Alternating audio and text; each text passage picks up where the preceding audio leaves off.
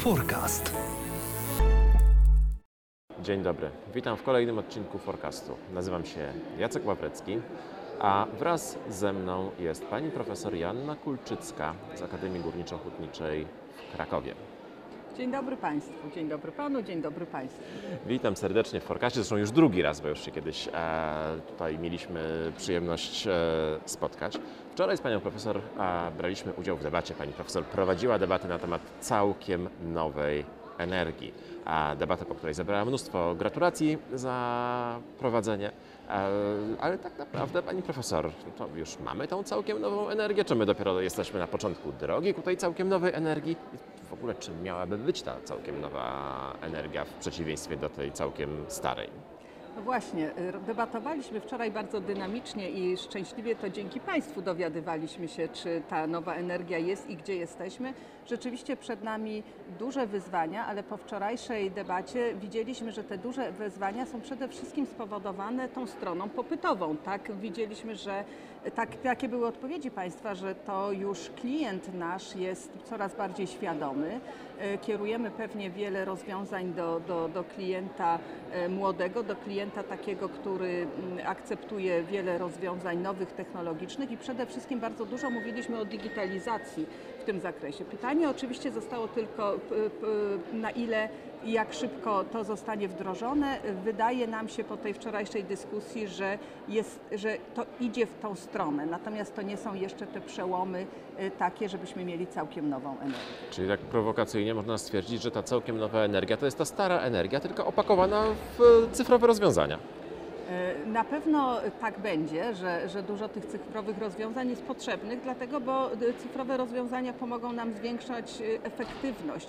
Jeżeli dołożymy do tych, e, do tych e, rozwiązań, e, do tego zwiększenia efektywności technologicznej, rozwiązania organizacyjne, czy też rozwiązania zgodne z gospodarką o obiegu zamkniętym modeli biznesowych gospodarki o obiegu zamkniętym, a więc popatrzymy na przepływ surowca w łańcuchu dostaw, tak, albo w łańcuchu wartości, czyli holistycznie, czyli będziemy patrzeć na tą efektywność nie tylko w obrębie naszego zakładu y, od bramy do bramy, ale y, pod kątem zakupowym, pod kątem odbiorcy, y, to być może w dużym stopniu spowoduje to, no, to nowe opakowanie powstanie tej, tej, tej, tej starej energii, ale na pewno w tym opakowaniu, w tym środku będzie produkt, który będzie bardziej, bardziej wydajny. To jedno z rozwiązań. Oczywiście tutaj Państwo mówiliście i podkreślaliście też znaczenie nowych y, technologii, y, takich bardzo innowacyjnych. Chcielibyśmy, żeby, żebyśmy y, zrobili te przełomowe technologie, nie, nie tylko ten, ten, ten, ten, tą, ten krok taki ewolucyjny. A w takim razie e, rozumiem, że tak, e, cała droga jeszcze e, przed nami. Ja tak trochę mam takie wrażenie, że my o tej gospodarce obiegu zamkniętego i nowoczesnej energetyce, czystej energetyce rozmawiamy od lat. I co do zasady wszyscy się zgadzamy. Jaki jest kierunek, e, jakie są korzyści i tak dalej. Czy przez ostatnie kilka lat, kiedy chociażby nawet tutaj na Open Ice Economy Summit e, niemalże co roku są debaty na ten temat, e, czy zauważyła Pani jakiś konkretny postęp tu u nas w Polsce? Czy cały czas jesteśmy na etapie wyznaczania tej drogi, spierania się, jak, którędy, czy nam się opłaca i tak dalej i przekonywania przekonywanych, przekonanych, przepraszam. Zobacz, Jeżeli chodzi o gospodarkę o obiegu zamkniętym, to rzeczywiście temat jest przede wszystkim bardzo modny, nośny, ale y, on jest y, też tematem, który jest y, ujęty w zasadzie w większości w tym momencie dokumentów unijnych, naszych rządowych i dokumentów regionalnych. Przeanalizowaliśmy e, większość strategii regionalnych i również e, to działanie gospodarki o obiegu zamkniętym, nie tylko w kontekście gospodarki odpadami, ale również w kontekście gospodarki zasobami, tymi zasobami związanymi z energią, e, jest uwzględniany, więc na pewno postęp w ciągu ostatnich, ostatniego roku czy dwóch w tym zakresie, w obszarze gospodarki o obiegu zamkniętym jest ogromny przynajmniej na etapie teoretycznej, czyli, czyli ta luka kompetencji, o której e, cały czas mówimy, tak, że jedną z barier GOZU jest luka kompetencji, e, e, ona się nam zmniejsza. Natomiast absolutnie e, widzimy, że to jest e, e, że o GOZie mówimy w kontekście dużych firm, w kontekście strategii społecznej odpowiedzialności biznesu, w kontekście polityk, czy regionalnych, czy innych. Natomiast e, w dalszym ciągu czy regiony, czy małe firmy absolutnie nie umieją się chwalić rozwiązaniami gozowymi.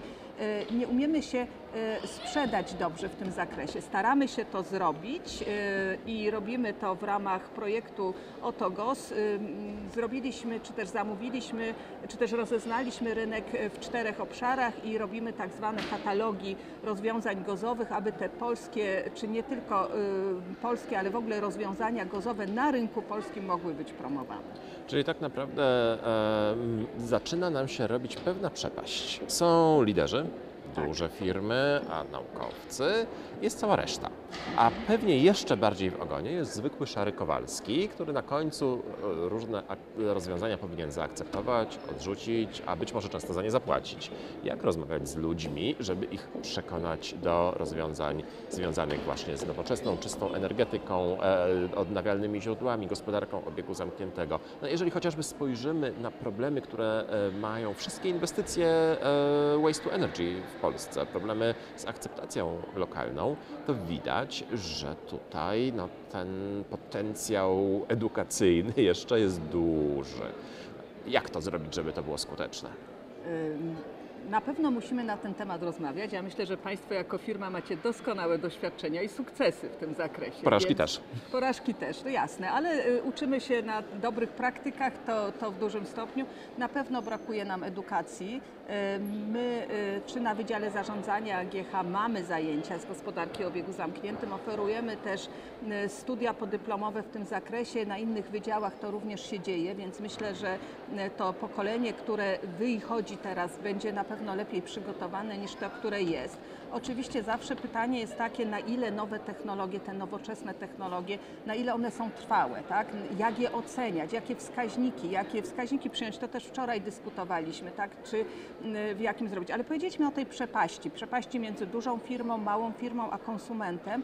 Y, To, co y, jest, to, co nam się bardzo podoba, to jest to podejście holistyczne, czyli że chociażby ta duża firma, która jest liderem, no, oczekuje już informacji od swoich dostawców, czy to o śladzie węglowym, czy nawet już śladzie środowiskowym, czyli y, te rozwiązania, o których pierwotnie mówiliśmy w zielonych, zrównoważonych zamówieniach publicznych, one B2B zaczynają funkcjonować, więc, więc y, to jest też y, w dużym stopniu działalność edukacyjna i działalność biznesowa. Tak? Wczoraj też się dowiedziałam, że wiele firm państwa to już nie tylko czyste NPV i IRR, ale również decyzje minimalizujące ryzyko, decyzje biznesowe, inwestycyjne, minimalizujące ryzyko pod kątem przewidywanych zmian klimatu, tak? Czyli, czyli mamy, ale jak w tym wszystkim konsument? No konsument na pewno będzie się kierował e, i, i ceną, czy, y, któ- którą ma zapłacić, to na pewno i ta świadomość jest coraz wyższa. Powiedzieliśmy, że jeżeli by było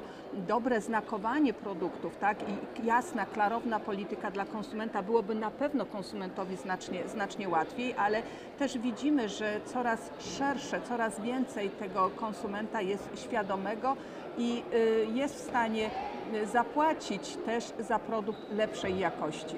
Więc miejmy nadzieję, że te produkty luksusowe, to, to, to y, będzie się w tą stronę też rynek trochę rozwijał i że będzie nas na to stać przede wszystkim. A jaka rola państwa w tych działaniach edukacyjnych? No bo jak mówimy tutaj o produktach luksusowych, to nadal mówimy o jakimś wycinku, a jeżeli to ma e, te rozwiązania związane z, e, nazwijmy to ogólnie ekologicznym, zrównoważonym podejściem do, do całego e, łańcucha produkcji, dostaw, wszystkiego, do całej gospodarki, jeżeli to ma trafić pod strzechy, no to naprawdę musi trafić też do konsumenta każdego, nie tego, który chce, tutaj ma ambicje zbawiać świat i być e, ekologicznym e, i takim bardzo e, światłym konsumentem, ale tak naprawdę do, do każdego. Czy tu jest jakaś rola państwa, czy rynek powinien, firmy powinny wziąć się za edukację?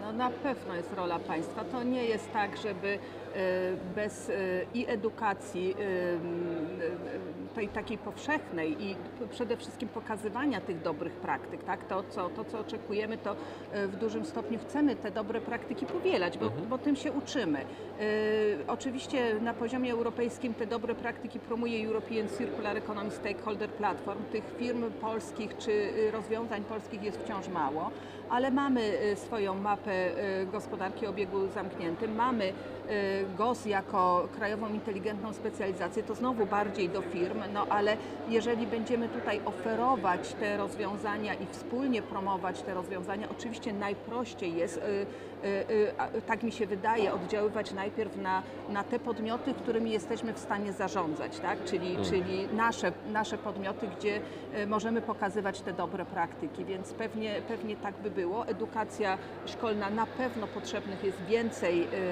jeszcze więcej y, różnego rodzaju działań w zakresie czy to zrównoważonego rozwoju, czy właśnie gospodarki o obiegu zamkniętym, czyli tak naprawdę dbania o nasze zasoby. Y, I, i jeżeli popatrzymy na to, że wszystko, co zużywamy, jest zasobem. Jeżeli popatrzymy na to, że y, y, tak naprawdę w Europie mówimy, czy w Polsce 16, 16 ton zasobów zużywamy rocznie, my, ja, pan, tak? I jeżeli zaczynamy mieć tą świadomość, że ten zasób to jest ten stół i, i każda inna rzecz, to, to może, y, że tak powiem, będziemy dobrze tym gospodarzyć. Myśmy kiedyś takie badania kilka lat temu zrobili w Małopolsce, kto powinien być odpowiedzialny i tutaj w dużym stopniu y, oczywiście władze centralne, regionalne za, za te działania, ale wyszło nam też z badań, że bardziej te odpowiedzialne, bardziej te ekologiczne są kobiety, proszę Państwa. Cóż, miejmy nadzieję, że mężczyźni się dostosują e, i e, tutaj osiągniemy też parytet tej odpowiedzialności e, i wysokiej świadomości, jeżeli chodzi o ekologiczne rozwiązania. Bardzo dziękuję Pani Profesor za rozmowę. Moim gościem była Pani Profesor Joanna Kulczycka z Akademii Górniczo-Hutniczej na- w Krakowie. Ja też bardzo dziękuję. Forecast.